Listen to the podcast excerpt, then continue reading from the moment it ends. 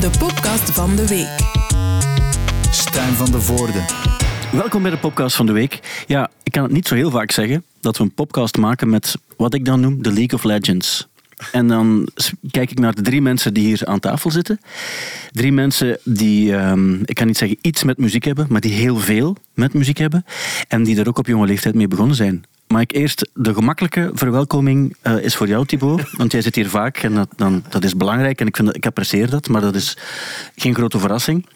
Anderzijds wil ik ook zeggen, dag Jonas. Jonas, eh, mensen kennen jou van, van Xink natuurlijk. Eh, maar als je luistert op vrijdag, dan weet je dat je gisteren hier gespeeld hebt. Ja. Maar gisteren is voor ons eigenlijk vandaag. Ja, subiet. En- straks. Eh, Als voorbereiding voor volgende week, want Ja. dan spelen jullie ook in de AB.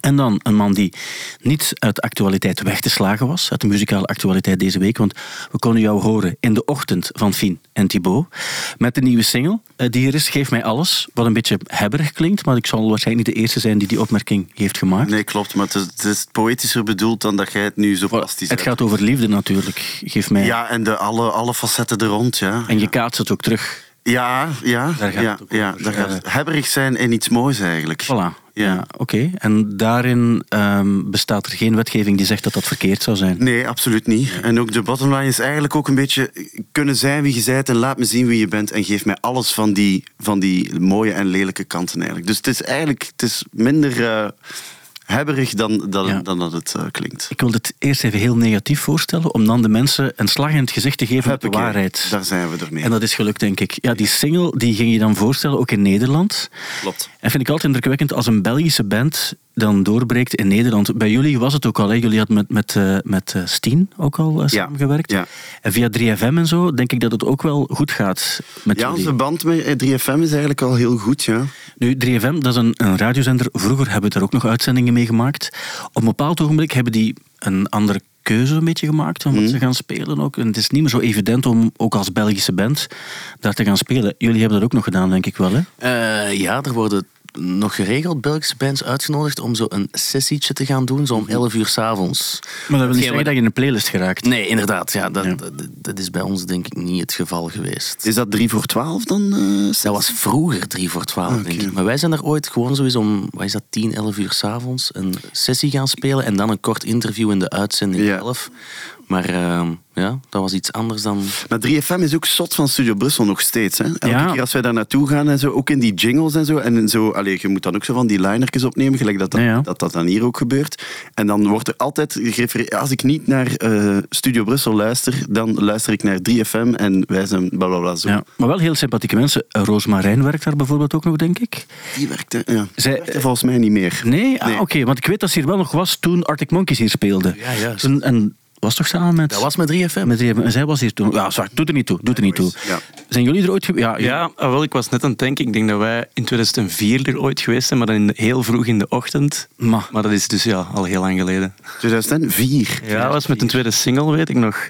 Eh, maar we hebben, voor, voor de rest hebben wij niet veel in Nederland gedaan, maar dat herinner ik mij nog wel ergens. Zo eh, een sessieke met kleine publiekjes. en hoe gaat het dan nu in Nederland? Want eh, is daar dan interesse om... Er was interesse. Wij, gingen, de, wij hadden op zich een show staan in de Paradiso, maar we hebben die wel ver, die gaan verplaatst worden. We gaan die misschien naar het najaar zetten.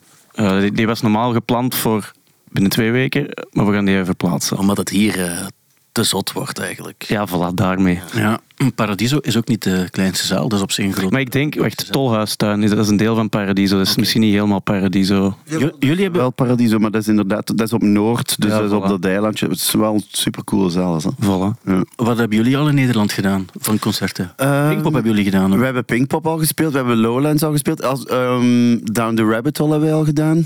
Best Kept Secret is eigenlijk het enige dat we nog niet gedaan hebben van zo'n festival waar ik Ja. graag zou staan. En dan voor de rest hebben we eigenlijk al heel veel eh, zaaltjes en ja, zalen gespeeld in Nederland. eigenlijk. Maar omdat, we mikken nu ook wel echt zo op Nederland. We Ja. zijn daar ook heel veel, ik schrijf daar ook heel veel. Eh, ik werk daar met heel veel mensen samen. Eh, we staan bijvoorbeeld nu ook op die laatste plaat van Sef. Ik weet niet of dat je... Van Seven Gers. eh, Nee? Sef en Gers. Nee, was het niet van... We hebben eh, eh, Anorak, Seven Willem. Sef en Willem, ja. Ja, maar dat, dat- is dat staat dat op we hier gespeeld hebben. Ja, Maar dat is toch, dat is toch zo hip-hop, hè? ja Sef is... is Maar, maar ja, Sef is toch van, van die heeft toch nog, eh, die zat toch bij, bij Opposites en zo, heeft hij toch nog iets gedaan? Nee, Sef? die bij de opposite. Maar Sef, is dat ook niet diegene met Eva de Rover? Met, eh, Nee, dat is DigiDex. Oké. Dan ben ik helemaal Ik weet. Sef en Willem. Anorak is een nummer Ja, hier op studio. Willem is de, is de guy van eh The Opposites. Ja, maar je hebt broodje bakpauw. Dat is Sef, Gers, eh, Pardoeldan en die opposites. Ja. En hij zit daar dan ook bij, bij broodje ja, bakpauw. zijn grootste, allee, waar dat de mensen hem eigenlijk van kennen, is dan die eh, De Leven. Hè? En dan is dan ook vertaald, Ah, door, allee, of ja, ja, ja, hergeïnterpreteerd ja, ja. door Steen. Eh, Op een pianoversie en zo. Juist, juist. Maar die New Kids, daar had hij ook iets mee te maken. Zo Ja. ken ik hem nog, zo doet er niet toe. Voilà. Eh, maar wel cool op zich dat je dan op die manier... Want ja, jullie zingen in het Nederlands. Jij vindt het nog altijd... Jij vindt, zegt Engels is veel cooler altijd. Ehm, terwijl dat het toch op zich onze taal is waarin we ook praten. Waarom, waarom doe je dan nog altijd in het Engels? Eh, ik weet het niet. Eh, we hebben wel al Nederlandse dingen gedaan. Hè. We Ja, hebben die bijvoorbeeld- cover van Ja. Chris Lomme, daar- ik vond dat wel, maar ik, vond dat wel, ik, ik, ik hoorde dat wel of zo. Ik vind dat wel frappant, want als ik in het Nederlands begin te zingen, en ik denk dat jullie dat misschien ook wel kunnen beamen, dan begin ik plots zo heel proper te spreken. Dat vond ik niet. Ei-klanken. en Nee, zo. dat vond ik niet. Want ik vond eigenlijk dat toen die Chris Lomme... Je klonk zo wat kittiger dan anders. Ah, toch? En ik vond het eigenlijk wel goed. Ah. En dat bedoel ik als een oprecht compliment. Ik vond dat een heel goede cover. Ah, dankjewel. Ja, dat was Ja. Wat ik vroeger had als ik in het Nederlands zong, ik was heel grote fan van de Heideroosjes, dus dat klonk heel Neder Hollands. In het begin was dat echt zo bij jullie. Ja, dat is echt waar. En- Want ik weet, ik was super fan van Xink, uiteraard. eh, wie niet? En ik weet wel zo, eh, als ik dat dan volgde, want het, het is ook door jullie dat ik eh, Junior Eurosong gedaan heb Kijk in de tijd en zo. Dat was, ja, ik was, ik was Xink, eh, dat, was alles. Hè. En dan eh, ging ik ook naar de lokale, hm, hoe noemde dat, platenhandel zeker. En dat was dan zo, jullie waren fan van Jane's Dead en dan ging ik Jane's Dead platen kopen. Jullie fan van de Heideroosjes en dan ging ik de Heideroosjes eh, platen kopen. Maar daarom vind ik het tof dat jullie hier alle drie eh, zitten ook. Want jullie eh, hebben een, eenzelfde muzikale background als het gaat over heel jong met muziek bezig zijn. En dan niet doen wat, wat, normaal, wat je normaal doet als je met muziek bezig bent op jonge leeftijd. Maar jullie maakten zelf ook al dingen. Jullie waren zelf liedjes aan het, aan het schrijven om dan, om dan ook er iets mee te gaan doen. En dan weet je dat je de liedjes die je maakt op je 13, 14... Op mijn 13, 14 was ik boomhutten aan het maken. Die niet van de beste kwaliteit waren, moet ik eerlijk toegeven. Maar jullie maakten liedjes die wel al een bepaalde kwaliteit hadden. En waarvoor jullie ook al een vorm van sympathie en respect kregen. Al was het maar om in een wedstrijd mee te doen. En dan denk ik, ja, dat is toch iets wat jullie eh, verwezenlijkt hebben. Dat gaat jullie toch geholpen hebben om te doen wat jullie nu doen, denk ik. Ja, absoluut, denk ik. Ja, zeker en vast. Ik moet misschien wel eh, toegeven, op die leeftijd, zoals Mathieu en Jonas dat gedaan hebben, ik was niet met muziek Nee, op jonge leeftijd was je wel geschilderd aan het mee figureren in een clip van de Black Box Revelation. Toen was ik al net iets ouder. Hoe oud was je toen? Ik was toen ehm 16, denk ik, of zo. Ja, Maar ik moet wel zeggen... een 12 uit. En dat bedoel ik met, dat bedoel ik met was alle wel echt respect. een voorzet dat ik hem niet mocht geven. Dat Veel respect, zei ik het. Nee, maar ik had wel... eh, ik keek ook naar de Eurosong dingen en ik, ik wilde dat altijd heel graag. En ik denk wel dat dat mijn liefde voor muziek wat heeft aangewakkerd, maar ik kon toen geen muziek spelen. Dus bij mij was dat playbacken, ik zing playbacken op de speelplaats van de lagere school. Met die rode t-shirt. En met een rode t-shirt. Ja, je had het, want voor alle duidelijkheid, jij was, echt, jij was ook echt superfan. Ja, ik was echt grote fan. Dat was En- voor mij zo de eerste... Mania was wel een ding ja. of zo. Ja, maar dat, ik weet- wel een- dat is een eerste Belgische band die een fucking stripboek had. Hè? Ja, jong. Drie in totaal hebben ze gemaakt. Ik Vier zeg. Vier zelfs? Ja. Ja, Ik heb, ik heb er drie willen kopen op tweedehands.be, omdat ik ze eens gezien wilde hebben. En ze stonden op en ik dacht, ik ga ze kopen gewoon. Ik wil het wel. Ja, ja. En dan, Mijn broer, we hebben het er vorige week nog over gehad, en mijn broer, ik denk dat ik die nog nooit gelezen heb. Ik heb twee liggen nog. Ja? Maar ik heb die ook nog ergens op de zolder liggen, maar dat is misschien wel leuk om binnen een paar jaar aan mijn zoontje te kunnen Ja, voorlezen. het zal wel zijn dat het leuk is. Maar dit zijn de dingen ook die, eh, eh, waarbij ik zou denken, stel je voor dat je dat hebt op die leeftijd, dat is ook mega cool. Alleszins, wat ik wilde zeggen, ben ik nu helemaal vergeten. Maar dat is ook niet zo Maar belangrijk. ik denk wel dat ik weet waar dat je naartoe wilde. En Ja, nee, kunnen het wel. Sorry dat ik je onderbreek. Mag ik het zeggen? Wat ik, Ja, anders ga ik het weer vergeten. Jij was een, een heel groot fan en jij was op een bepaald moment met Thomas, de gitarist van Xenk, die dus ook vaak met jullie samenwerkt, Thomas Valkiers in de studio en zo. En was jij, mag ik zeggen, de motor om iets in gang te zetten? En dan heb ik het over de reunie van Xenk, die geleid heeft Tot, tot de AB's. Misschien wil ik dan jou vragen, Jonas, hoe belangrijk is dan Thibaut echt ge- Ja, wel, dat wil ik wel zeggen. Ik denk dat eh, ja, zonder Thibaut hadden wij dat niet gedaan of zo. Dat is, dat is zo. Ik denk dat, dat uw invloed daar wel heel groot is in geweest. En ook gewoon omdat je Thomas zo goed kende. En ja, ik weet niet, dat is in een heel leuke manier in gang gezet of zo. Ja, want ik vraag me dat ook wel af. Ik heb toen eh, gewoon eigenlijk een dronken gesprek gevoerd met Thomas en ik kende hem ondertussen al wel goed en gezegd van ja, waarom doe je dat eigenlijk niet? Ik vraag me gewoon af, waarom zou je het niet doen? Maar waarom hebben jullie al die jaren zoiets gehad van, goh, we doen het niet? Want nu is het eigenlijk gewoon op café gaan met Thomas en plots zeggen jullie alle vier, misschien moeten we het doen. Ja, dat is, een moeilijke vraag. Ik denk dat iedereen wel altijd ander een eigen projecten had. Dat ze daar meer op wou focussen of zo. En ja, denk dat dat mijn heel bang hartje ook altijd zo'n beetje was. Eh, ja, zitten de mensen daar wel op te wachten? Zo'n dingen eigenlijk. Ja, dat Eh, duidelijk wel. Maar ik snap wel, eh, dat bang hartje, dat snap ik wel. Want dat is zo, ja, dat is zo een, een icoon vanuit, een- vanuit vele jeugden of zo. Ja, en jullie zijn ook al natuurlijk wel wat ouder en zo. Absoluut. Dus ik snap die angst wel of zo. Of ik snapte die angst wel, maar ik snap ook wel volledig dat dat... Allee, dat dat gewoon keihard uh, marche- Iedereen, dat is, op, dat is op pure nostalgie. Dat gaat gewoon, ehm, dat gaat gewoon magisch zijn in die NB. Dat Dat is het ding ook wa- wat ik dacht toen, eh, toen het erover ging. Toen zei Thibaut ook van zo een lotto-arena zou toch cool zijn. Wat achteraf gezien ook perfect zou gelukt hebben. Maar ik heb die, die, ehm, die hype op een andere manier meegemaakt. Eigenlijk niet echt. Ik wist dat dat iets was en dat, er, dat, heel, dat jullie heel populair waren. Maar ik was net iets te oud om het volledig mee te maken. Wat ik me kan herinneren is de Stubru.uit. Wat we dus binnenkort ook gaan doen, die 40 jaar Studio Brussel. Waar jullie toen speelden bij, wat gaat het geweest zijn, 20 jaar Studio Brussel of zo? Eh, ja, moet ook in 2004 geweest zijn. Of. Ja, 2004. Het zal, het zal geen rondgetal geweest zijn, maar toen deden we het elk jaar. Ja. En jullie speelden daar toen op, op de middag. En nogmaals, ik weet nog dat ik, dat ik jullie mocht aankondigen. En dat er toen heel veel volk was, of wel heel jong volk ook. En dat marcheerde daar ook. En ik denk ook, eh, ik dacht toen van ja, gaan die mensen daar nu nog naartoe gaan ook? Gaat dat nog iets zijn? Want jullie hebben dan ook op dat ogenblik ook nog niet echt nieuwe nummers gemaakt of zo. En dan toch 4 AB's. Ik had nooit gedacht dat zoiets echt zou lukken. Ik dacht wel 1 AB, zo uit jeugdsentiment, maar dan door nieuw werk misschien ook gaat het dan toch nog wel helpen. Ja. Dat is interessant. En de zomerfestivals die komen er misschien ook nog bij. Ja. Daar mag je dan nog niets over zeggen, neem ik aan. Maar als die er nog bij komen, gaan jullie ook nog een mooie zomer hebben. ja, absoluut. Het is wel de bedoeling om eh, er een mooie zomer van te, wa- te maken. Gladiolen is al Ja, bevestigd. Gladiolen is bevestigd, ja. Bij jullie Pukkelpop. Ja, ja, klopt. Pukkelpop. Ik weet nog, toen jullie Pukkelpop speelden, het was rond een uur of zes, zeven, ehm, dat dat denk ik de allereerste keer was dat jullie zoiets gigantisch deden. Jullie hebben natuurlijk indoor al, al dingen gedaan die, die, die groot waren. Maar waarbij je ook voelt dat een divers publiek, waarbij niet iedereen voor de volle 100% ehm, naar Pukkelpop is gekomen om, om jullie te zien, ja. die van alles wil zien, dat die ook mee waren.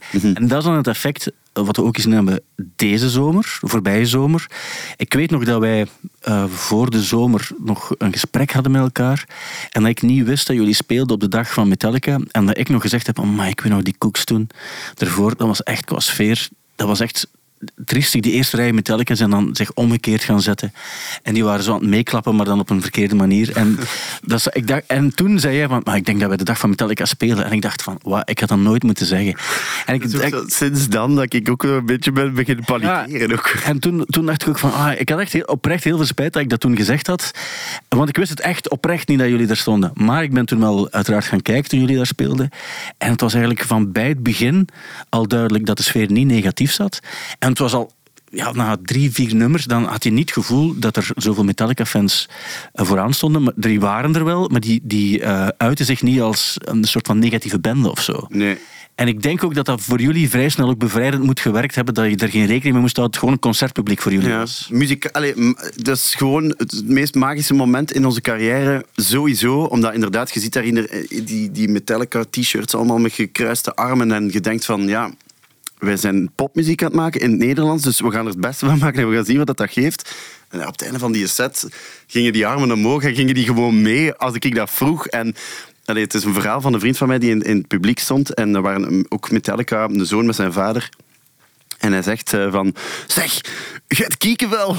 En die metal, en toen die een oude vent van metal zo, ik vind keigoed, zei hij. Dus ja, voor mij was dat zo, ja, die een dag gaat voor mij de geschiedenisboeken ingaan als alles zat juist. Maar dat was ook echt wel een magisch concert of zo. Want ik was Ja. daar toen ook.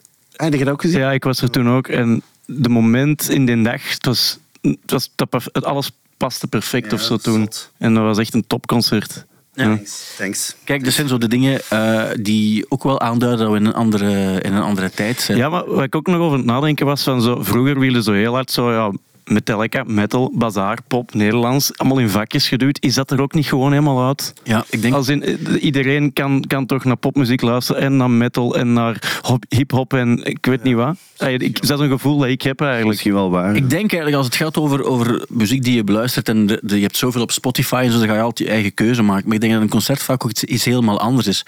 Waarbij je ziet, als iets goed gebeurt en de sfeer zit goed, dan maakt het vaak ook niet uit. En dan kan je als, als, als Rihanna-fan die naar Metallica staat te kijken, ook enorm eh, van een- zo'n concert genieten. Zonder dat je achteraf ook gaat zeggen, ik ga alles op, nog eens opnieuw beluisteren eh, op plaat. Ja, ja, voilà, exact. Dat denk ik ook. Ik denk Ja. dat daar ook voor een Dus- groot deel mee te maken heeft. Ja.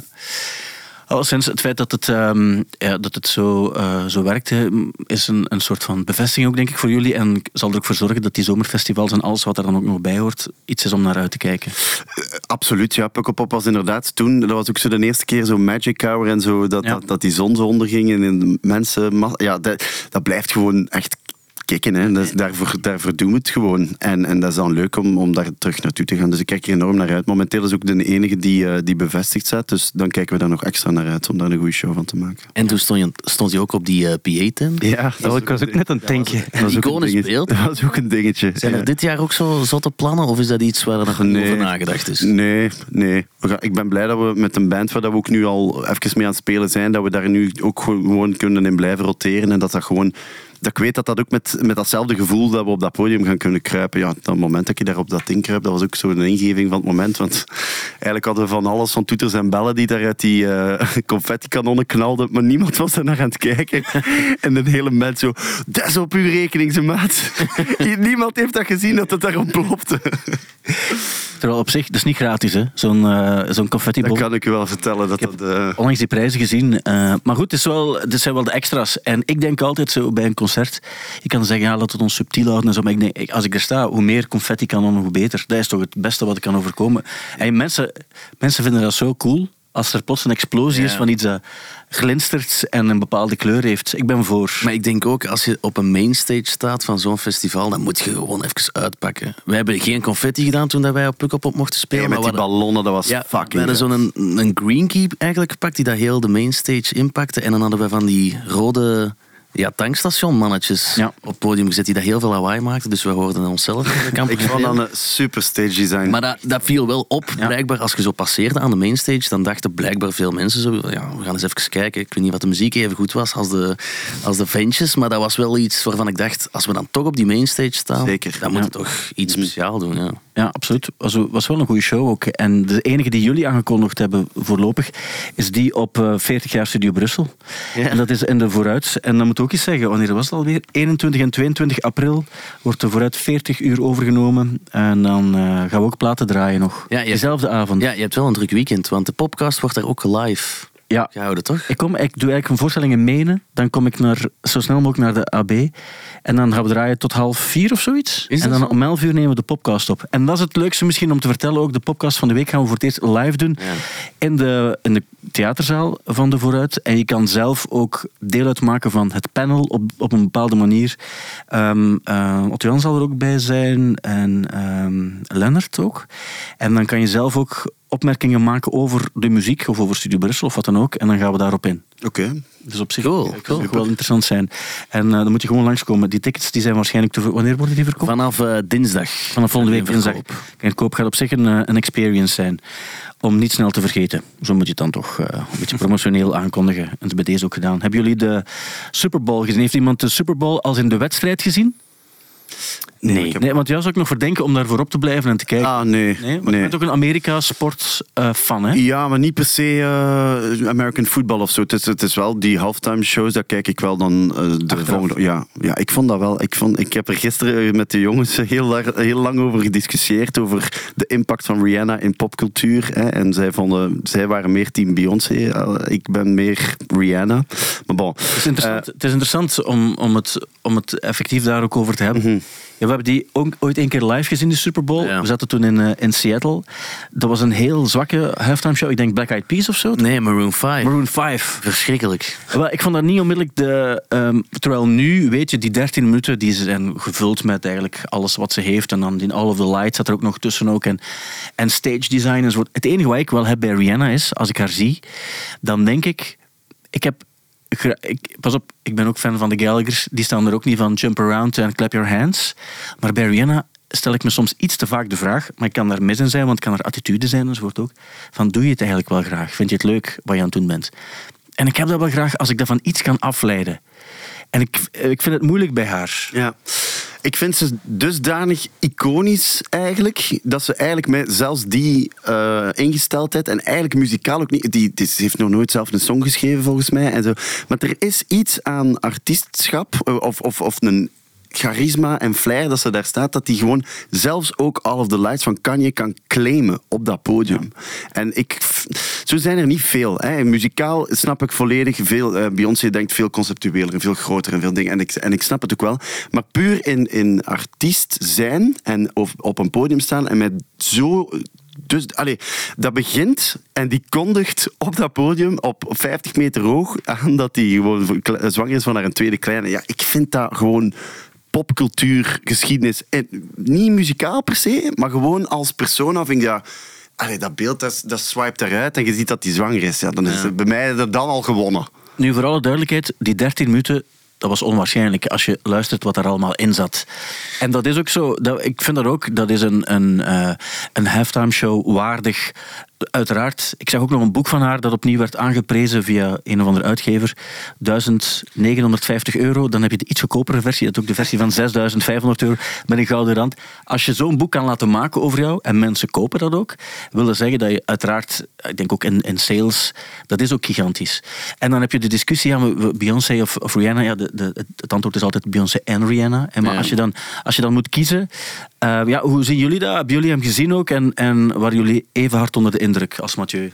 Ik heb het niet gezien, dus ik eh, Oké. kan geen mening vormen. Ja, wij maken die ochtendshow en dan is het eerste natuurlijk op maandagochtend om die halftime shows te bekijken. En ik was onder de indruk, maar misschien ben ik gewoon verwend met die halftime shows, maar ik had misschien zo wel een toffe special guest of zo verwacht. Het was vooral alleen Rihanna met die Ja, dans. dat was die een baby dan, hè? Dat is waar, dat is waar. Ze had wel iets voorzien. Ja, Maar die dansers erbij en dan die zwevende podia, ah, ik was wel onder was, de indruk. ja het was cool. Het was- ik ben verwend. Ik ben We, komen natuurlijk uit vorig jaar, waarbij, waarbij je een soort van history of hip-hop, Ja. West Coast hip-hop had. En dan had je wel iets uitzonderlijk. Maar ik denk dat het bij mij ook een beetje gekleurd is door, door Rihanna op Pukkelpop. Ooit Maar uur sowieso, hè, die heeft daar iedereen teleurgesteld. Ja. En ik snap ook wel, muzikaal, ze zingt ook mee op een backing track waar dat die vocal meeloopt. Muzikaal is dat allemaal niet. Het is gewoon iconic op een andere manier, vind Ja, ik. Hè. dat is inderdaad wel belangrijk. Want zo voel ik het ook wel. Het is wel voor mij op een andere manier, omdat zo'n Beyoncé... Ja. Het is dan soms iets, iets te voor mij ook. Ik, ik, eh, eh, waar ik me dan soms wel aan stoor, is, is dat, ehm, dat er altijd een blazer op haar gezicht zit. waardoor het haar perfect wappert. En, en je weet ook dat er over alles nagedacht is. En ze gaat altijd lachen en altijd vrolijk zijn. Terwijl bij Rihanna, als ze een slechte dag heeft, je zou het wel zien. En wat dat, dat maakt er ook weer menselijk. En ik weet soms niet altijd goed wat ik het liefst heb. Ik wil wel iemand die, die zin heeft om op een podium te staan. Ik vind het ergste wat er bestaat, iemand die, die daar die de indruk geeft Jij bent fan van de Gallaghers. en ik ben van, ja, waarom ook? Omdat je ziet ook, zoals, zoals hij het zelf ook zegt, als ik opkom, dan ben ik, sta ik daar niet voor, voor, voor plezier, maar dan, dan is het oorlog. En die microfoon, daar is mijn vriend niet. Dat, ik spuw daarin ook, want het is oorlog. En dan denk ik, ja, maar dat is ook een vorm van dedication. En die dedication kan er alleen zijn als je het ziet zitten en als je ervoor gaat. Je- en het is niet omdat je niet roept van clap your hands, say jij, dat je niet gemotiveerd bent om er te staan en om er volledig voor te gaan. Dat is het ding. En dat kan op verschillende manieren. En misschien heeft zij het ook wel op haar manier. Maar ik vind het moeilijker om het bij haar te detecteren op een of andere manier. Ja. Maar ik ben... Ik, ik ben De vraag is ook een beetje of ze het eigenlijk allemaal wel graag doet. Hè? Dat is, maar Ja. Het, het, ja, het gaat mij daar eigenlijk niet over waarom dat ik dat dan iconisch vond. Want muzikaal vind ik... Allee, dan kunnen we dat niet vergelijken met wat een Prince ooit daarop... Allee, Ja. ik bedoel, dat is gewoon muzikaal geschiedenis. Maar ik vind dan, in de, ook in de tijden waar, dat, waar, dat, waar dat we leven, en dan ze die Fenty make-up. Ja, dat vond ik ook wel cool. En ze- Snapte? It increased her eh, dingen met, hoe- ik weet niet hoeveel procent dat er dan ineens Fenty weer beginnen opzoeken is. Ja, ik ben ook zo, en ik denk daar ook allemaal graag over na, en zo van die trucjes en die dingen, en ik ben er ook allemaal graag mee bezig. Dus ik vind dat wel op een andere manier Ja, super cool. Ja, ik volg het wel. Ik, en ik, eh, ik zag ook dat er een Belg, een zekere eh, Pieter Mulier of Mulier, of hoe je het moet zeggen, Ja, verantwoordelijk is voor, voor, voor haar eh, kledij. Wat ook wel, eh, dus eigenlijk zijn, hij is, hij is ehm, een beetje het, het, eh, de, hoe noem je dat, de director van een label waarvan dan die jas afkomstig is. Ah oké. Ja, Op zich cool dat er een Belg eh, zeker. eh, aan verbonden is. Sam Smith op de Grammys, dat, dat gaat nog, het was op de Grammys denk ik, hè? Waarbij, of was het de Brit Awards? Brit Awards. De ballonnenachtige Ja. outfit, zoals David Bowie vroeger ongeveer. Dat is het, het hele ding. Ik zag Ricky Gervais heeft dan een post gedaan waarbij zijn eigen gezicht op, op het pak heeft gepost. En hij had, er, hij had er gewoon bij gezet. En vervelend, het vervelende aan celebrity zijn is dat iedereen altijd naar je kijkt. En dan had hij dat hele pak ook zo gezegd aan. Waarbij er ook een, eh, heel veel kritiek kwam. Waarbij mensen zeiden, ja maar David Bowie, jouw grote held, droeg ook zo'n pak. Waarbij hij heeft niet gezegd ik vind het belachelijk of zo, want dat dat zou een beetje eh, vreemd zijn om zoiets te zeggen. Maar ehm, de, de, een aanval op, op Sam Smith of een, of een het- als mensen het gevoel maar hebben dat er gelachen wordt met de outfit van Sam Smith, komt onmiddellijk heel veel reactie. Ik moest er ook wel om lachen. En dan denk ik, dat mag ook. Als je zoiets aandoet, Ik mag dat. dat is, toch, dat is toch om te lachen. Dat is zoals bij de hele Met-gala. Die kledij. toch over dan bekeken en besproken worden achteraf. Dat, dat, dat gaat daarover. En dan moet je dat ook kunnen slikken. Ik bedoel, en zeker Ricky Gervais mag daar moppen over maken. Als er iemand moppen over mag maken, is hij het wel. Die Sam Smith heeft dat toch ook niet aan dat hij denkt van, ah, hier zie ik er goed uit. Dat is toch echt voor de memes. Gewoon een de- de statement. hè. Ja, achteraf. bedoel, ja. Ik vind dat superballen hebben dat je dat doet. En dat dat, maar ja, tuurlijk wordt daarover gesproken. Ja. We leven in een, een meme-generatie en alles wordt besproken. Allee, bedoel, Maar wat heb je ook als, als, of je nu fan bent van Sam Smith of niet, wat heb je liefst dat hij daar staat met een zwarte broek en een wit hemd en een vestje daarover, of in zoiets, dan kies je toch altijd voor iets anders. Dan gebeurt het tenminste. Een artiest op een podium, je wilt toch dat hij, mocht Liam er niet op komen, dat is misschien een andere vraag, omdat je dan denkt van, ja, dat, dat is, ik zou het niet liever hebben, mocht hij doen, ik zou heel hard moeten lachen. Maar dan weet je van, ah, dat klopt misschien, maar bij, bij de, de popfiguren wil je toch dat ze zo'n dingen, dat ze zo'n dingen dragen, denk ik. anders hebben ze ook niks om achteraf over te babbelen. Hè? De, de, de, de voor... eh, Is dat iets waar jullie al rekening mee hebben gehouden als je zo op een rode loper moest verschijnen van, van kleren? ja, van de outfits? Ja, wij zijn wel bezig, maar ja, wij zijn ook ja, we zijn wel bezig met hoe dat we eruit zien, denk ik. Eh, We hopen dus- ook, ehm, ja. Weet, Ja. jij, weet jij wat je gaat aandoen bijvoorbeeld? In de AB? Ik ben daar helemaal niet zo mee bezig eigenlijk. Nee, dus ik kan... Nee, ik weet dat niet. Mogen we adviseren? Ja, zeg, zo- zo'n ballen-ding of... eh, Nee, maar we kunnen wel eens nadenken. Ja, ik, ik- Maar hoe doen jullie dat? Als jullie weten bijvoorbeeld, we gaan Pukkelpop spelen, wordt er dan bijvoorbeeld met een, een designer samengewerkt? Of, of, of, ja, of- daar gaan we nu niet, maar stylist en zo werken we wel mee samen inderdaad. Maar zo, eh, nu de, de, de hele sfeer van de- het nummer dat we nu hebben uitgebracht is zo aan 90s. De clip is ook zo wat, die pakjes, zo wat eigenlijk saaie daddy eh, suits ups. Eh, Dus we willen daar nu misschien zo wel in verder. Dus elke keer gebeurt dat zo wel wat stelselmatig. Dus nu willen we zo in die saaie punk... eh allee, je weet wel, hè, zo die Ja, en die dingen. Dus dat is nu zo wat de vibe en daar willen we nu zo wat in verder. Ja, dat komt heel organisch. Hoor. Het is niet dat we daar eh, met designers zitten samen te werken en zo. Eh, het, valt, het valt ook wel meestal op ons pad, maar we zijn er wel mee bezig. Ja. Ja, oké. Ehm, ik denk dat er ook deze week een heel interessant artikel stond. Bijvoorbeeld in de Standaard van een zekere Charlotte de uh, Of op zijn Frans zou het ook uitgesproken kunnen worden. Ik ken haar persoonlijk niet. Zij is recensente van eh, theaterstukken. En er was deze week het hele gedoe in Duitsland, waarbij een, ehm, een theatermaker was op een bepaald ogenblik Ballet, was het geen ballet? was het ballet? Eh, Ja, een choreograaf was het, klopt. Ja. Die eh, was niet zo blij geweest met een review die hij had gekregen. En heeft toen, op het ogenblik dat hij een nieuwe voorstelling maakte, had hij door dat diegene die de vorige voorstelling afgekraakt had, heeft toen een, eh, een hondenkak ehm, naar... Dus, ja, hij had een nieuwe voorstelling en Ja. Mhm. dezelfde recensente zat in de zaal. Hij zag dat, die is geflipt en is dan tijdens de pauze van de voorstelling eh, de kak van zijn hond in haar gezicht gaan smeren. Ja. Ja. Ja, ehm, het was het Staatsballet in Hannover. Nu las ik een, een, een opiniestuk, was het, in eh, de Standaard. En er stond, nog niet zo lang geleden beweerde een theatermaker mij te hebben aangeklaagd bij de Hoge Raad van Journalistiek of voor Journalistiek. Een collega had bijna een proces aan zijn been, al bij wegens negatieve recensies. En in de morgen liet Siska Schoeters optekenen dat ze haar humeur niet meer laat afhangen van een of andere lullo die per se een programma kapot wil schrijven. Ik en dat was natuurlijk vanuit het standpunt van iemand die recensies maakt over ehm, ja, theaterproducties. Waarbij ik het gevoel had dat die persoon zoiets had van oh, maar wacht, laat de recensent toch ook maar wat met rust. En dan denk ik, dan zijn er in mijn hoofd, maar jullie, worden, jullie krijgen allemaal recensies. Als jij een plaat gaat maken of een concert geeft, dan weet je, gaat een recensie komen. En wat die persoon schrijft over jouw concert of over jouw plaat, gaat niet noodzakelijk overeenkomen met wat de meeste mensen die daar waren ook als gevoel hadden. En jullie hebben dat allemaal al meegemaakt. Je weet, er komt een recensie. En iedereen kan zeggen, ja maar ik trek me dat niet aan. Want dat is maar de mening van één persoon. Maar je weet dat die persoon, om wat voor een reden dan ook, iets extreem goed en iets extreem slecht kan vinden. Soms ook voor de sport, want dat gebeurt uiteraard ook. Of soms omdat ze zelf ook wel cool willen uitkomen. Of het gevoel hebben van ik mag het goed vinden, of ik moet het goed vinden, of ik mag dit helemaal niet goed vinden. Ik vroeg me af, zo het, het hele recensentie... Want ik snap het gegeven in het geval van Siska bijvoorbeeld ook. Als zij zegt van, ja, ik ga mijn humeur niet van een lolo laten afhangen. Ik denk dat ook vaak. Laat het er vooral niet eh, van afhangen. Want het is altijd mening van, van, van, van één persoon. Ehm, snappen jullie dat er af en toe eens een recensent eens iets terugkrijgt? Of ben je dan een soort van slechte verliezer? Of hoe moet je dat zien? Maar ik vind eh, de, de, de manier waarop is wel er los over. Ik bedoel, je moet niet...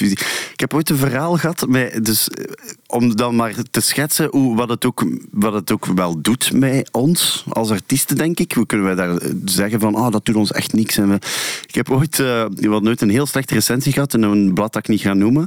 En ik wist ook wie dat, dat was. En ik kwam die persoon tegen in de frituur eh, in Gent ergens. En ik moest na hem bestellen. En op een of andere manier heb ik ervoor gezorgd dat ik die zijn frieten had betaald. En dat hij dan, als ze hem wou betalen, dat hij zei van... Oh, dat is al betaald. Ah dat is betaald door de meneer daar. En dan zwaaide ik een keer. En dan liep hij in bed en dan had ik frieten. Zoiets vind ik dan wel leuk. Maar ik zou nooit, ik zou nooit kakken eens in een frikandel. Nee, er is natuurlijk de, de, de grens van iets fysiek doen is, is denk ik op geen enkele manier ooit, Nee, ooit eh, goed te keuren. En al is het maar via een rol of zo, dat snap ik ook. Wat denk jij, Jonas? Want als jij nu in de AB gaat spelen en er komen mensen, je weet ook bij jullie, je kan dat op voorhand, want je hebt, ik, ik ken ook een aantal van die muziekrecensenten en je weet, sommigen zijn gewoon geen coole gasten. Sommigen zijn gewoon, die weten dat wat ik schrijf gaat ook bepalen hoe cool ik hier uitkom of niet. En of ik iets goed mag vinden. Dus bij jullie kan het ofwel de kant op gaan dat ze mensen zeggen, cool dat jullie dat doen, dat jullie spelen, dat jullie eigenlijk van die oude nummers van vroeger nu opnieuw iets gemaakt hebben. En ik kan dat geweldig appreciëren. En dan kan je nog altijd zien hoe valt het die avond mee en hoe is de sfeer van het publiek. Dus je kan op verschillende manieren op voorhand al beslissen of je het goed gaat vinden of niet, want zo gebeurt het vaak. Is dat iets waar je dan nu over nadenkt? Op deze moment wel, ja. Maar eigenlijk daarvoor nog, nog niet bij stilgestaan, eigenlijk. Maar voor hen is het ook extra kut. Hè. Dat is, er zijn al bepaalde verwachtingen voor zo'n show, omdat die mannen net terugkomen. En eigenlijk is dat al oneerlijk op zich, want er gaat geen enkele recensent daar staan met een objectief gevoel, denk ik. Ik denk dat dat niet bestaat bij zo'n show, zoals jullie nu gaan spelen. Ja, ik weet dat niet. Ja. Ja. Ik denk dat je daar ook vooral echt niks moet voor. Allee, het, is gewoon, het is gewoon iconisch dat dat terugkomt en dat je er vier AB's gaat spelen en pff, dat gaat gewoon ontploffen. Allee, ik bedoel, Ja. De vriendschapsband live in een AB. Ik bedoel, en dan heb ik nog niet gesproken over alle andere. Ah, het vriendschap, ik weet zelfs niet dat dat in de setlist... Nee, is niet. Ja, maar ik zag het bijvoorbeeld op de warmste week toen. En het was wel heel cool. Als je toen al zag hoe de mensen erop reageerden. En dat was denk ik voor jullie de eerste keer dat jullie echt voor heel veel volk... Dat was, dat was een... Dat was een eh, oh. Ik, weet, ik weet waarom, ja. Ja, dat was een... Ja, hoe moet ik dat zeggen? En jij hebt toen heel, een- heel een, de dag ook een beetje bij ons eh, gehangen toen. Hè. Dat was een, een stressy dag waar je een momentje toen wel voor dat ons zal, alle dat vier. zal ook allemaal... Want dat was de, effectief de eerste in 13,5 jaar of zo. Dat was een, een moeilijker. Maar, Maar ook, ja. Het werkte wel. Hè. Het was op zich, als ik toen zag, want ik heb toen op televisie gezien. Ja, het was mega cool wat er toen gebeurde. Ja. En vriendschapsband, je had een tekststuk verkeerd. Dat, dat ging je zeggen waarschijnlijk. Ja, een tekststuk eh, opgefokt toen. Omdat je zelf ook heel ampetant waart toen je van het podium kwam. Dat is het eerste wat ik aan dacht. hè. Ja, omdat je zegt van ja, vriendschapsband, dat is gewoon het nummer van Xink. En ik zing gewoon twee strofes, krak hetzelfde. Ja. En daar heb je wel mee ingezeten, denk ik. Ja, mee ingezeten, dat is gewoon zoiets van ja. Ja, volgende keer beter. Maar het ding was, we hebben de vriendschapband vroeger niet heel veel gespeeld. Hè. We waren zo van die ambetante pubers die er zo hun hit niet speelden. Zo. Dus eh, dat is het enigste nummer waar ik echt het meest problemen met de teksten mee heb. Dat is echt waar. Is dat echt? Dat is wel zo. Spelen jullie Laat Me Vrij zo? eh? Dat kan ik niet zeggen, hè, Dat mag je Mathieu. niet zeggen. Nee, nee, nee, maar de, de, de lieve. vriendschapband-tekst, dat is echt vanaf de tweede en de derde strofe. Ik, misschien moet ik dat nu niet zeggen voor vanavond, maar dan moet ik echt altijd denken. Hij ging verhuizen op een vijf. Hij ging verhuizen op een vijf. Dat zijn zo, zo de, de eerste zinnen zijn er vertrokken, hè, maar dat is een moeilijke.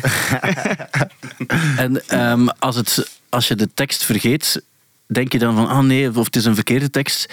Denk je dan, oh, mensen gaan het merken. En achteraf hoor je dan, niemand heeft het gemerkt. Ja, wel, ik, eh, van de week speelden we een try-out in Nazareth en toen kwam iemand zeggen van ja, ik was daar toen en ik had dat helemaal niet door. Ik was gewoon ook mee die strofe aan het zingen. Dus ik denk, als je een fout maakt, dan moeten die fout gewoon goed maken en dan... Gewoon ownen. hè. Voilà. Ja, Ik denk ook wel dat het harder opkomt als je in het Nederlands zingt nu. Zeker. Ja, want ik zing eigenlijk ook wel dingen helemaal fout. Maar als je in het Nederlands zingt, dan, dan kunnen mensen makkelijker aanvullen of zoiets. En is het Vertel nog eens van, moeilijker. van Plastic Bertrand. Oh, dat verhaal. Ik was er net ook aan Plastic Bertrand aan het denken over de outfits. Want toen we die eh, week van de Belgische muziek en aan de cover van uh, Saplan Puma mochten maken, had de manager van Plastic Bertrand ook doorgegeven aan onze manager van ja, hij gaat een leren graven frak aan hebben. Dus zie maar dat de jongens iets bijpassend hebben, of iets dat, eh, aandoen dat erbij past. En eh, toen waren we daar en plots had hij zo'n zwarte glitterfrak aan. En dachten we, nou, dat is al niet zo cool eigenlijk. Ehm, maar, van, Maar ook wel. ja, maar van de tekst, dat is een ander verhaal. Heb ik dat hier al eens verteld? Ik weet het niet. Ja, misschien wel. Zwat, in ieder geval, wat de repetities. En ik was hier de ochtend aan het doen. Dus het was sowieso al heel vermoeiende dagen. En dan waren het repetities hier op de VRT. En ik ging de tweede strofe van Saplan pour moi... Nee, de eerste, de eerste, sorry. De eerste ging ik zingen. Maar Saplan pour moi, zeer moeilijk. Mijn Frans, ook heel moeilijk. En Plastic Bertrand was de eerste ontmoeting, die kwam hier aan en eh, hij begint zo'n uitleg van donc euh, moi je, je chante la première strophe. Ik zeg oei, oei, nee, nee, nee, want ik kan de tweede, kan ik niet. En dan zei hij, oké ja, hè, dus Thibaut doet de eerste, ik doe de tweede. En dan begonnen we te spelen. En ik, ja, ik weet het niet, blackout of te moe. En ik wist niks meer van die eerste strofe. Het was gênant. Die keek ook heel ampetant. En dan is er iemand van de VRT met zijn laptop voor mij komen zitten om dan zo de tekst op Word zo te scrollen. De souffleur. Dat, dat hielp ook totaal niet. Eh, dus dat was eigenlijk al een heel gênant moment. Ik had er ook heel veel stress voor bij die opnames dan een week later. Eh, maar het gênantste was dat ze dan vroegen van ja, Thibaut, nu moet je in dat stuk wel eh, de gitaarsolo doen. Maar ik ben helemaal niet goed in solo spelen. Ik haat dat ook. Ik denk, nou ja, fuck it. Dus ik heb toen gewoon het fuzzpedaal aangezet en gewoon heel veel noise beginnen maken. Maar ik dacht, ja, ja rock en roll, beetje punk. En die plastic Bertrand doe echt zo naar heel die band. Ja, kappen, kappen, kappen. En die loopt naar Hans Franke, de, ja, de bandleider. maar, en zegt, pas comme ça. Pas comme ça. En toen dacht ik, ah fuck, dat is niet mijn dag. Een paar weken later word ik door iemand voorgesteld die Plastic Bertrand heel goed kende. Hij zei van, ah, dit is uh, Stijn, werkt voor Studio Brussel ook en zo. En waarop Plastic Bertrand onmiddellijk zegt van, uh, tu, connais, uh, tu, tu connais Thibaut? ik zei, oui, c'est génial, hè. Geniaal. En was mega lyrisch achteraf over jullie. Het was uiteindelijk ook wel echt goed hoe dat we het gedaan hebben, vond ik achteraf. En hij, hij, hij stelde toen ook voor van, ja, we moeten eigenlijk samen eens iets live iets doen. En ik zei toen, hij wil, hij wil live nog wel eens iets doen. Waarop jullie zeiden, ja, dat wel. Terwijl dat is Plastic Bertrand. Er is een boek van de Beastie Boys waar uh, hun voornaamste invloeden in staan. En er staat ook bij Plastic Bertrand. Ja, staat er ook bij. Dan krijg je weer zo de discussie, ja, het is Lou de Prijk en bla bla bla. Ik weet het, maar goed, het is natuurlijk wel de man die... die uh, uh, ja, die Lou de Prijk heeft een, een punkparodie gemaakt en die is dan toch gerespecteerd geworden Mhm. mm -hmm. in de scene. En jullie hebben ermee samengespeeld, dat is op zich toch heel cool. Het was tof. Het was, was op zich heel cool. Um, ik ga kijken wat er nog staat. Um, ah ja, nieuwe Lana Del Rey. Iemand heeft hem gehoord? Die zeven minuten durende... Ik heb hem uh, eigenlijk gisteren voor het eerst gehoord. Ik ben volledig mee. Ah, want het is interessant. Heb jij hem al gehoord? Ik ben volledig mee. Nee, ik heb alleen wel de, het artwork gezien. Ja. Heb ik heel lang naar liggen kijken wel. Heb jij toevallig allemaal gehoord? Nee, nog niet, nee. Je, je bent volledig mee, want ik, Ja. ik ben een grote Lana Del Rey fan. Dat grote fan. ik, ja. Ik ben ook fan van het artwork en van de verschillende artworks die ik al gezien heb van de, de plaat met de lange titel. Maar ik ben, met dit nummer ben ik nog niet 100% mee, want ik hou van de lijzige, maar melodische Lana Del Rey. En in dit geval is het, is het dat nog niet helemaal. Oké, maar we hebben wel ook, uh, wat was het? Uh, There might be a tunnel under. Ja, de- de- Daar zit het al wel in. Ja, absoluut. Ocean Boulevard, Ja. bla bla. En nu die een eh, American Horror zeker Ja. eh, dat dat heet. En ja, ik vind het wel, en dan komt die een beat en dan denk je van wow, waar komt daar ineens vandaan? En dan blijft duren die een beat en dan verhoogt die een beat even en dan, dan blijft ze sprankelen tot op het einde. Ik vind dat wel nice. Ik, ik had zo het gevoel dat ik naar een soort van Bon Iver nummer aan het luisteren was. En ik denk dat ik het gewoon nog niet aan haar gekoppeld heb. Mhm. Maar we geven het uiteraard. Ik ben heel benieuwd voor de plaat wel. Wat geniaal eh, als ze daar die, als ze aankondigden dat er een plaat kwam met die in één billboard. Hè, heb je dat gezien? Dus er is, ze, ze schrijft het voor haar ex-man. Ja. Hè, en eh, er is één billboard in Amerika dat ze doet. En dat is in de hometown van die een eh, police officer. En ze gaan de selfie gaan maken voor dat billboard in haar een auto. Ja, Lana Del Rey is gewoon een... Ja, dat is een genie. Dat is, is een wel- genie. Dat, dat- dat is bij mij ook het ding. Als ik dan moet kiezen, bijvoorbeeld, het is weer iets helemaal anders, maar het is altijd een persoonlijke keuze. Maar ik, als ik moet kiezen voor, voor, eh, voor, voor één van, van, van de vrouwen van dit ogenblik in de muziek, dan zou ik sowieso voor haar wel kiezen. Ik ook. En de lijzigheid waarbij zij staat, geloof ik dan ook wel weer dat het, dat het niet noodzakelijk is uit desinteresse. Ik ben in het Sportpaleis gaan kijken toen. Dat is soms, die was soms echt half op wat props aan het leunen ook. Maar- Is dat, saai- is dat niet saai live? Nee, dat, is, dat had iets. En hoe mensen dat meezongen ook. Ja, maar dat is niet normaal, hè? Dat maakt het ook wel echt. En dat is ook dat is het, het cool ook. Zij vraagt daar ook niet om, maar dat gebeurt.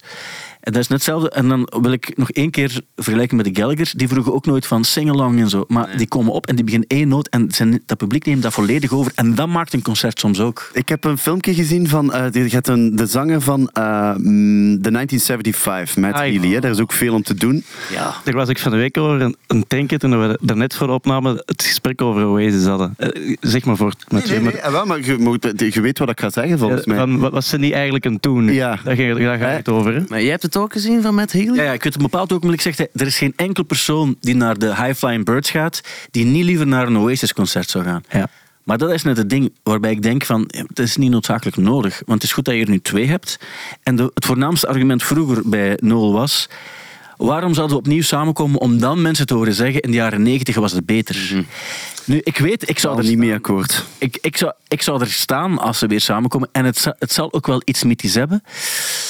Maar wat onthouden we nu van de jaren 90? We onthouden van de Main Road concerten en we onthouden die dingen ook vooral. En dan denk ik, ik heb ook nog de reunieconcerten van The Who en zo gezien ook. En dan denk ik ook van, ja, ziet dat er dan cooler uit dan hoe het... Nu, ik geloof dat ze het nu nog wel... Nu kunnen ze het nog wel doen. Nu is het beter dan over tien jaar. Maar jij, jij zou... Jij zou Ik, ik, vond, ik vond dat nagels met koppen wat daar gezegd werd. Ik had er wel eens het gevoel van, goh, die Matt Healy, ik vind dat sowieso wel een vrij irritant figuur soms. Ah, ik Het vind die wel fantastisch. was zo'n uitspraak om zo... Ja, tuurlijk. Ja. Ja, jij zegt, oh ja, jij, ja, jij hebt het juist zo om populair te willen zijn. hoor. Ah, nee, maar dat wil hem dus alles behalve. Hè. Met Healy populair zijn. Hij doet alles om tegen zijn kar. En, hij en eh, dan wil hem een uitspraak doen. En begint een band te spelen van... Nee, dat gaan we niet doen. Dat gaat er hier... Dat gaat er... Maar zo bijvoorbeeld dat hij daar ehm, een rauw stuk vlees begint te eten op het podium. Ja. Dan denk ik, ja, pff, Maar heb je die show al gezien? Hoe dat, wat dat, dat, dat is toneel... Dat is, dat is, dat is Broadway, hè? Is dat die, zo wat een sitcom-achtige Ja. Podiumopstelling? hè? Ja, met die tv'tjes en dan gaat hem zitten en dan met dat... Ja, ik, cool. ik, ik heb gisteren proberen tickets te kopen voor de Finsbury Park. eh, ja, ik ben ook mega Bleachers van en, eh, en Cigarettes After Sex, dus ik wou dat gewoon zien. En ik wilde die een stage design zien, want volgens mij gaan ze die niet meepakken naar Werchter. En ja, ik... 45.000 anderen waren toch ook aan het wachten op ticketjes. Hè? Maar ik moet wel mijn eh, uitspraak nuanceren, want ik heb ook wel door dat het heel hard leeft. En bijvoorbeeld, mijn lief zei onlangs van ja, de zus van mijn beste vriendin is daar mega grote fan van. En toen zei ik, ah ja, ik ken dat wel. Ik vind dat, dat is nu niet meteen mijn ding. Maar toen viel mij frank dat wij ooit op Werchter zo die interviews gedaan hebben in die caravan. En ik heb toen blijkbaar een kwartier met Matt Healy in zo'n ja, caravan ja. gezeten. Ah, ja? En ik zei dat. En mijn lief zei, what the fuck, wow, die, vriend, allee, die zus van mijn vriendin had dat echt... Oh, maf, jongen, die Matt Healy, dat is niet normaal. En ik dacht toen, oh, ik ben misschien niet helemaal mee.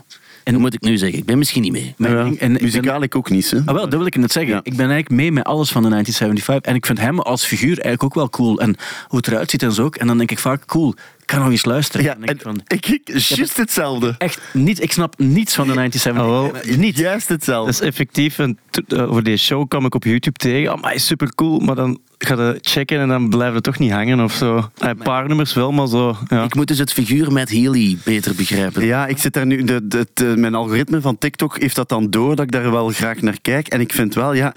Ik vind dat wel op een bepaalde manier super rock and roll hoe dat hij dat dan allemaal aanpakt en zo. En er wordt mega tegen zijn kar gereden. En je zei echt, en ze moeten ze gaan hem cancelen. En de volgende show komt hem op en zegt dan, eh, ja, blijkbaar willen ze mij cancelen. En dan nog een schep erbovenop. Om, dat vind ik dan wel cool om daar op die manier mee te spelen. Ik heb het ook wel voor hem, maar ik, heb het, ik snap niets van de muziek. En ik, ik denk, het gaat nooit mijn ding zijn. Maar tof dat heel veel mensen het wel heel goed vinden. Maar ik, ik doe echt mijn best om het goed te vinden. Ook omdat ik, om, omwille van de sympathie die ik ook wel heb voor hem. En de manier ze doen.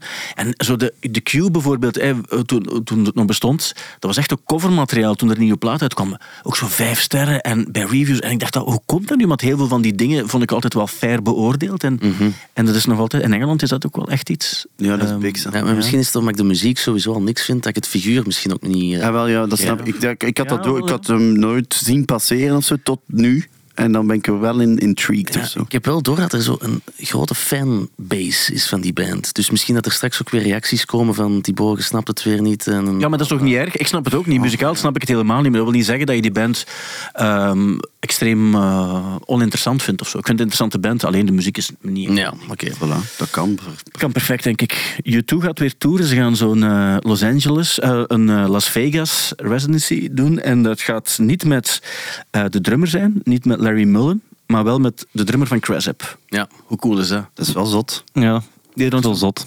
Ik denk dat we hem hier gebeld hebben deze week. De- Echt? Ja? Ik denk het wel, maar ik heb het niet gehoord. Ja, officieel, U2 is denk ik nog steeds een Nederlandse band. Hè. Een, een, eh, een hoofdkwartier, eh, fiscaal dan, ligt in Nederland. Eh, en ik denk dat het misschien, ja, ik weet niet hoe het, hoe het exact komt, dat hij eruit gekozen is. Zal, neem ik aan, een zeer goede drummer zijn. Of toch exact wat ze nodig hebben. En eh, ze gaan dan toeren met een, in een nieuwe zaal die gebouwd wordt daar, met 4D-schermen en een volledige show. Zouden jullie, daar, zouden jullie dat willen zien? Goh, ik heb ooit wel eens U2 gezien met de, met de, ehm de. Claw, ja. De Claw in het Koning Boudewijn Ja. stadion. En toen was ik nog heel klein, maar ik moet, ey, zo ook met die Joshua Tree dat ze Mhm. nog niet super lang geleden live gedaan hebben. Ik denk wel, een show van U2 is altijd in orde van visueel spektakel. Mhm. Dus daarom zou ik het misschien toch nog wel eens willen zien. Ja, ik heb die ooit met de Vertigo Tour gezien, ook in het Koning Boudewijn. En ik was daar toen wel van mijn sokken geblazen of zo. Het begin was onwaarschijnlijk toen. Alle lichten aan en midden het nummer. Maar ik was ook, ja, dat is zo lang geleden, moet in 2005 of zo geweest zijn. Maar eh, ja, Jij, jij knikt onmiddellijk van eh, nee. Ja, ik kreeg ten eerste van nee, maar nu dat je alle twee eigenlijk dat zo zegt, dan zou ik dat dan misschien wel. Want ik was aan het denken van wat vind ik eigenlijk allemaal goed van YouTube. En dat zijn eigenlijk wel redelijk wat eh, allee, nummers. Ja. Dus Maar ik heb, dat, is dat niet zo'n band, eh, in mijn geval toch, dat, dat mijn ouders, vooral ons papa, echt grote fan van was. En ik heb daar sowieso wel wat van meegehad. En eigenlijk, ja, die Vertigo-plaat, als ik die nu opzet, dan komen wel zo Ja, heel wat zeker dat nummer Vertigo. Vertigo. En wat is City with the Blinding Lights zit daar ook op, denk ik. Dat zijn wel echt goede nummers. Ja. How to Dismantle. En Atomic Bomb. Ja. Ja. Ik, ik mocht ooit, ooit voor No Line on the Horizon naar Marokko voor ze te interviewen. En ik had niets, niets met niets. Dat was met Magnificent. Was dat daar ook niet zo gefilmd, die clip? Ja, die is daar gefilmd in. Fes. In Fes in Marokko was het. En ik had niets. En ik, had, ik vond Bono een, een vervelende aansteller. Zo had ik het in mijn hoofd. Want uiteindelijk, als je muzikanten ziet, heb je onmiddellijk een of ander beeld en een vooroordeel erover. Ook zo. En eh, ehm, ik ben dan vertrokken weer en ik had een totaal ander beeld van die band. Hoe Bono. eh, ik, heb die, vooral, ik ken die mensen niet. Ik heb die ook maar een paar minuten gesproken. En die liep er wel ook de hele dag rond. En die zaten dus op gemak te eten en zo. Maar ik had een totaal ander beeld van die band. En zo ben ik die muziek ook anders gaan beluisteren. Wat super crazy is, want die muziek was exact dezelfde als daarvoor. Maar gewoon het gevoel dat je bij een persoon hebt of bij een band hebt, kan ook helemaal bepalen of je het goed vindt of niet. En sindsdien vind ik die band, of toch de, de dingen die ze gemaakt hebben voor 2010, vind ik dan plots weer interessanter. Maar ik vond bijvoorbeeld die Joshua eh, Tree Tour vond ik dan, vond ik dan een beetje saai ook. Als, het, als ze die plaat aan het spelen waren, besefte ik, ja, de eerste helft vind ik tof, de tweede helft vind ik niet zo interessant. En dan zakte er ook helemaal in elkaar. Ja. Los van dan de greatest hits die daarna eh, volgden. Ik was alleen heel boos in het Koning Boudewijn stadion, ook al was ik acht jaar oud, denk ik, of zo. Sunday Bloody Sunday hebben ze toen niet gespeeld. En dat vind ik nog altijd Ah, toen bij de Cloud daar. eh. ja, een beestig nummer. Maar ik weet vroeger in de tijd, ik ging vaak naar Xink gaan kijken, die speelde nauwelijks de vriend- En die zanger kon zijn tekst de, niet. vergat de tekst al. En ik riep, de, ik riep dan de vriendschapsband en dan kreeg ik gewoon een fuck you. Om, Ja, ja. eh, Kus me dat, was, kloten. dat, was, dat was hard ook. eh, dat was echt een harde tijd. Daar in de vooruit doen dan. En de vooruit toen, ja, ja, ja. En dat was echt een, eh, grote fuck you naar de fans die daar toch ook wel deels voor gekomen waren. Maar ik, ergens vond ik het ook wel weer cool. Ja. Achteraf gezien, op dat ogenblik was ik kwaad, maar achteraf gezien vond ik het cool. Die fuck you zou Thomas wel geweest zijn. Ja, dat zou zijn zoals Bazaar dat geen goud speelt. Hè. Ja. Dat is een beetje hetzelfde. Maar dat zou ik ook, jullie zouden dat nooit doen. Hè? Nee. En, dat, en dat snap ik ook. En dat is ook. Een, Daar hebben we het al vaak over gehad eigenlijk. Ja, en ik vind dat ook, dat is, je kan perfect zeggen als bazaar zijnde, we gaan Pukkelpop spelen, maar wat we niet gaan doen is zo de hits spelen. En dan denk ik, dan zou je moeten zeggen als Chokri of zo, prima, dan mogen jullie openen in de club. Want dat is dan ook het publiek dat jullie, dat als jullie zeggen we spelen alleen B-sides en rarities, dan denk ik prima. En dat is, het, dat is mijn punt naar Radiohead ook. Ah, we spelen geen Paranoid Android meer, we doen geen Karma Police meer. ja. Dan denk ik prima, goed, maar dan spelen jullie om vijf uur in, in, in de, de, de, de barn of de, de Club C. Dat was zo teleurstellend toen. Radiohead op eh Rock Werchter was dat toen. Want toen was ik ook aan het wachten op de hits. Ja, maar en toen kwam was het niet. Toen was het al beter, want het is, ik ben ze ooit gaan zien op Werchter in zo'n circustent. En toen hebben ze eigenlijk, toen Sigur Ros het voorprogramma deed, en toen Ja. hebben ze eigenlijk alleen National Anthem of zo gespeeld. En dat was het ook. Uh, misschien moet ik het verduidelijken. Misschien was het zo enkel Creep waar dat iedereen zo op zat te wachten. Maar dat is misschien maar wel... oké, dat Creep, niet- dat, ja, dat vind- doen ze. snap ik ook een wel. andere discussie. Dat, dat, vind, dat, dat vind ik ook wel. Pff, Daar snap ik nog wel ergens in. En oké, ja, bon. Ja, dat vind ik... een- Creep is voor mij ook een, dat, dat was de Pablo Honey. Dat was ook de Ja. plaat, een, een debuutplaat. En, en die plaat is ook niet zo heel goed. Eh, zullen zij achteraf ook vinden, omdat ja, dat was ook een, een- ja, je moet ergens mee starten. En daarna zijn ze wel andere muziek. Vanaf de bands stond die plaat er wel. En dan had je die Kid A en zo. En dan, dus ik snap ook wel dat je, je hebt wel, je hebt wel één wildcard die je moet kunnen inzetten om te zeggen, we staan er eigenlijk echt niet meer achter. En zo. Maar zeker in de nuivere, als dat van hun, kun je dat wel doen. Dus, eh, Radiohead wordt niet bepaald door het nummer Creep. In ons geval bijvoorbeeld, om dan de vergelijking met, met jij hebt geen goud speel, ons repertoire is nog niet ver genoeg. En wat goud gedaan heeft voor ons, is gewoon op een andere manier. Ja. Allee, snapte? Radiohead is te all over eh, qua, qua uiveren. En, en dat vind ik dat je dat zeker, zeker wel kunt doen. En ook een, een argument van, van heel wat bands of artiesten die zeggen we, ik ga altijd bijvoorbeeld mijn, eh, mijn Wonderwall of mijn Goud of mijn Paranoid Android spelen, is van er gaan altijd mensen zijn die ons voor het eerst zien. En, en die, die kennen ons ook dankzij dit nummer of dankzij die nummers. En je mag rustig iets skippen ook. En zeker in het geval van Radiohead ook. Maar na, na 2000 dan beslissen om niet te spelen van de bands, om niet te, niet te spelen van... van Ja. Ik moet nu in ons geval ook wel even ter verdediging zeggen, ik was een ambetante puber van 15, 16 jaar. Nu kijk ik daar echt helemaal anders naartoe. het was geen dis. Dat ik even gezegd hebben. Het was geen dis naar, naar, naar, eh, naar de, de Nee, maar toch, ik wou het even zeggen. Ja. Nee, maar dat vind, ik ook, dat vind ik ook oprecht wel iets. Alles wat jullie gedaan hebben en alles wat mensen daar ook op zouden kunnen zeggen, van ja, maar dit nummer was zo, dan is het enige antwoord dat je altijd kan geven, ja, maar wacht, wat was jij aan het doen op je, op je 14 of op je 15 of op je 16? Slechte bomen aan het, aan het maken. Dat is het enige antwoord. Dat maakt het langs de ene kant ook wel cool, want ai, ik weet, eh, in mei vorig jaar hebben we die eerste gesprekken hier gehad over de reunie, de reunie, maar dan nu ondertussen hebben we die nummers herbekeken. Allemaal dat is eigenlijk ook wel heel fijn om dat terug te doen. Na zoveel jaren zo oude nummers terug te herbekijken en daar eigenlijk ook terug eigen zin mee te doen en dat terug te bekijken als iets nieuw, is, een, is iets heel fijn. Te merken ook dat dat wel gewoon echt goede, goede song... Allee, dat dat gewoon goede songs zijn. Ja, sommige toch, want ja, we hebben, nee, sommige nummers hebben we wel echt gezegd van ja, dat gaan we niet meer doen. maar dat is normaal hè, als je zo jong bent en je maakt nummers. Maar het is wel iets fijn, ja. Ja, ik weet dat Max Colombi ook nog, ook nog vertelde, ja, vroeger, toen we dus echt heel jong waren, dan, eh, dan ging ik vaak eh, een, een- misschien op kot staan. Nee, zelfs niet. Ik Denk, ik weet niet het juist zat. Maar Hij zat op kot en ik op- ging daar langs. Ja, en jullie, jullie maakten dan samen zo met je muziek. Ja. En, en gewoon om, ja, om, om, om je wat bezig te houden. Ja. En, En en, dan zongen we met al die kotgenoten samen. Dat was wel, dat was wel leuk. Hè? Dan Ja. ging ik daar nieuwjaar vieren en zo. Ik was, daar zo nog, ik was het kleine broertje van Max en ik mocht dan na het school daar eh, ja, ja, gitaar jungelen eigenlijk. Hè? Dat was superleuk. Ja. ja. En, Kom, kom jij uit dezelfde junior Eurosong van Hetzelfde jaar, ja. Ja. Dus ik heb eigenlijk heel mijn eh, muzikale carrière en muzikale kennissen en vrienden en zo is door de- het feit dat ik ooit fan was van Xinxe.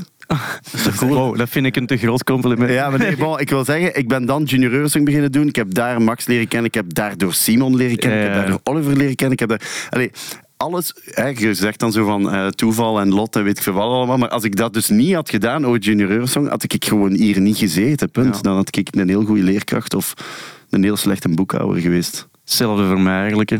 Voilà. Ja, als, ja, junior, in ons geval was er nog Eurosong voor Kids toen.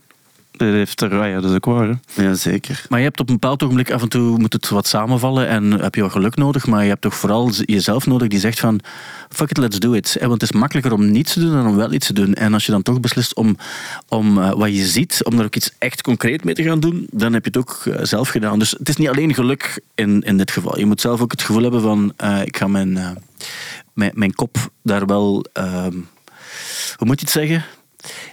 Opleggen. Mijn- Op toeleggen. Laten we het daar, laten we laten we daarbij kop opleggen. Je, moet- je moet het zien zitten om, eh, om als je op een podium gaat staan, ja, dan, dan kan je succes hebben. En je kan ook, er kan een, eh, een rotte tomaat naar jou gegooid worden. En het hoort er allemaal bij op een of andere manier. En daar moet je dan ook wel klaar voor zijn. En op jonge leeftijd besef je dat niet altijd. Dat is waar. Ja. Zeker. Jij beseft het nog altijd niet. Nee. Je was even aan het wegspacen, dacht ik. Ik zeg trouwens nog, ik moet er nu aan denken. Ehm, ehm, er was een of andere reportage. eh, het ging over, en we hebben het er nooit over gehad, maar ik heb al een aantal keer gezegd over het feit dat rosse mensen meer creativiteit in zich zouden hebben. Is dat zo? Ja. Oh. Ik zag daarna ook onmiddellijk een spot van zo, ehm, de week tegen pesten. Stip it. En het enige wat je daarin ziet is mensen met roze haar. Ja, Rosse, en vond ik ook wel. Ja, maar en daar zeggen ze, wij zijn niet echt ros, wij doen dat om de rosse mensen te steunen. Vind ik ook wel een rare instelling. Dat vind ik ook... eh, Zwart, ik heb er niet naar... eh, moet, moet, moet ik mij ros... Heb je het altijd een raar gegeven gevonden om, om rossen... om- Natuurlijk. Ja, maar dat is vanaf het moment dat je er iets of wat anders uitziet. Maar is dat niet Ja, zo wel door. South Park of zo? Maar, Ja, eh, fuck South Park. Voor South Park bestond het ook. En ik, weet, de- ik snap volledig wat jij zegt ook. Want het is een, eh, ik kan niet zeggen een haarkleur zoals een andere, want niemand heeft het eigenlijk. Allee, het is op een aantal uitzonderingen na. ja. Maar het is ook, het is maar, ja, maar wat het is bij elke. Maar ik ben hier gewoon eens even rond, rond aan het kijken. Allemaal verschillende haarkleuren, dat, dat boeit er. Ik heb nu wel een muts op, maar ik ben dat... de enige met blond haar nu bijvoorbeeld. Ja, en zo heeft iedereen. Platina blond. Dus iedereen zijn eigen kleur. Maar ehm, wat ik wil zeggen, ik denk ook wel dat er zo... Allee, dat is iets dat naar lang nog gaat duren, maar zo de Gen Z's van de wereld en zo, die, dat is toch wel meer van kunnen zijn wie dat je bent en eruit zien hoe dat je bent en vrouwen met mannelijke kleren en mannen Ja. met nagellak. En, allee, ik bedoel... Dat, dat gaat op termijn toch wel veel doen, denk ik, zo aan, aan pestgedrag. Of, of Maar ik denk, domme mensen gaan altijd wel iets nodig hebben. Ja, en domme mensen zullen er ook wel eh, altijd blijven, natuurlijk. Dus er gaan altijd heel veel domme mensen op deze wereld blijven en die gaan altijd wel iets vinden. Is het dan je haarkleur of wat dan ook. Ik denk het voordeel is dat als je in een normale omgeving... Op mijn, mijn dochter heeft een, een lichte rosse haarkleur en ze noemen haar Rossefien in plaats van Josephine. En die heeft daar op geen enkele manier een probleem Ah, eh, mee. Eh, waardoor ze ook zoiets van, ja, whatever. Zo, eh, dat is ook, dat is niet echt... Ja, dat is ook maar een kleur van haar of zo. Alleen gelijk ook zo, en of, of huidskleur. Ik heb, dat, ik, ik, ik heb dat nooit gesnapt of zo. Oké, als je er zo wat gek uitziet of zo. Of dikkere mensen, ook, wat ik ook verschrikkelijk vind natuurlijk. Maar dat, dat, dat, dat vind ik dan zo nog... Maar zo, hoe dat je er... Ja, ik weet niet. Ik Maar dat is- dat nooit goed begrepen. Maar ik denk dat het, dat het is, eh, net zoals je zegt, of, je nu een, eh, of er nu een flietertje hangt of niet, of je nu een andere huidskleur hebt of, of een, een kleur van haar, dat is eigenlijk iets waar, waar je als normaal functioneert mens maakt dat niet uit wat iemand anders heeft. En, maar dat, ik denk dat dat er niet toe doet bij sommige mensen. Ik denk dat, dat je, sommige mensen hebben een houvast nodig in iets Ja. waar ze dan tegen kunnen zijn. En dan kan het soms ja, de rosse apen zijn. Fuck die mensen. zijn. Ja, nee, ik vind het ook wel ergens, het houdt ons ook wel scherp. nee, nee, dat is niet waar. Voor alle duidelijkheid, eh, zoiets gaan we nooit supporten. Nooit. Zolang de podcast bestaat, gaan we daar tegen zijn. Ehm, ik kan nog even snel meegeven dat er dus een nieuwe single is van de band Bazaar. Geef mij alles. Ik heb ook gehoord dat er geen plaat gaat. Niet onmiddellijk een plaat aangekondigd wordt, maar er gaan hier en daar wat singles gedropt worden. Klopt. En dan zal het zomer worden en dan geloof ik niet dat er in het najaar niet toch nog eens een plaat op vinyl zal verschijnen. Maar dat is mijn persoonlijke mening. En daar gaan we het bij houden. Ehm, hebben jullie nog goede dingen gehoord recentelijk dat jullie willen delen? Ah, ja. Ehm, als je op vrijdag luistert, is het de dag dat eh, Seven Nation Army 20 jaar oud is. Klopt. is wel eh, een tijdloos weetje. Ja, je kan ook op de Instagram van de Tijdloze zien dat jij iets over het nummer vertelt. Ja, ja, Ja, dat klopt. Tof filmpje, ik heb het gezien. Ik is- ben het alleen vergeten te zeggen dat het van Salvation Army komt. Dat vond ik een leuke fun fact. Ja, maar ik had het ook gezegd, maar eh, short format. Ah, oké, tegenwoordig. knip, Moest knip, knip, knip. Ja, tof filmpje. Ehm, klopt. Maar iets nieuws zo nog? Ik zou zeggen, eh, als je de plaat van Caroline Polacek nog niet gecheckt hebt, dan moet je dat wel doen. Oké. Caroline of Caroline Polacek. Ik ken haar niet. Wat wat voor iets is het? Eh, pop. Het is echt popmuziek, maar zeer eh, ja, een soort over, allee, eh, Pitchfork, Best New Music en zo. En, eh, het is echt, het is super verfrissend en eh, ja, het is super, super vet. En ik zag filmpjes van een Belgische artieste, May, die, bij haar, die met haar aan het chillen was. Ergens. Dus voilà, bij deze. Ik, ik heb drie vrijblijvende tips van de recente muziek. Eh, nieuwe album Basement of Death staat heel vaak op bij mij.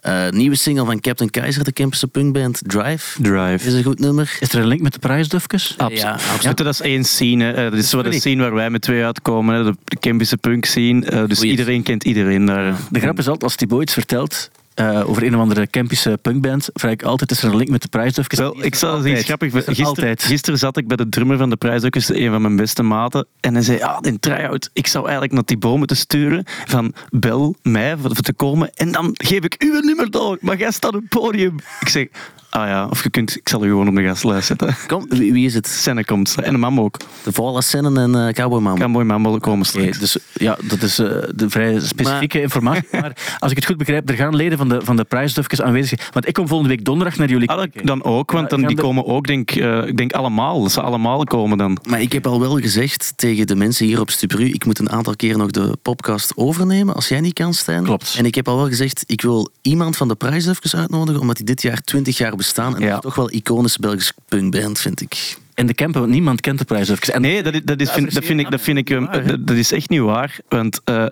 in de camper is dat wel een grote band. Maar groot, ook niet, ook niet heel groot of zo, maar een heel belangrijke band. Wel, maar dat is een band die zo niet de, de bekendste zijn, maar die hebben heel veel andere bands beïnvloed. Ja, inderdaad. En Otto Jan heeft daar bijvoorbeeld ook t-shirts van. Weet het, maar vooral duidelijkheid, ik ben pro de, de prijsdufjes. Ik heb ze gewoon nog nooit gehoord. Ken, ik wou het je zeggen, kende dat? Het is gewoon door de verhalen van Thibaut dat het een mythische band is in mijn hoofd. Dus ik wil ze heel graag eens live zien en ontmoeten ook. Dus Dat is een mythische band. Ik denk dat, eh, want wij zijn op hetzelfde jaar wat gestart met Xink als de prijsofjes. En ik denk dat dat heel veel overlap heeft. En, wij zijn, ay, en dan daarna zijn de crack-ups gekomen. Dat heeft daar eh, alles mee te maken.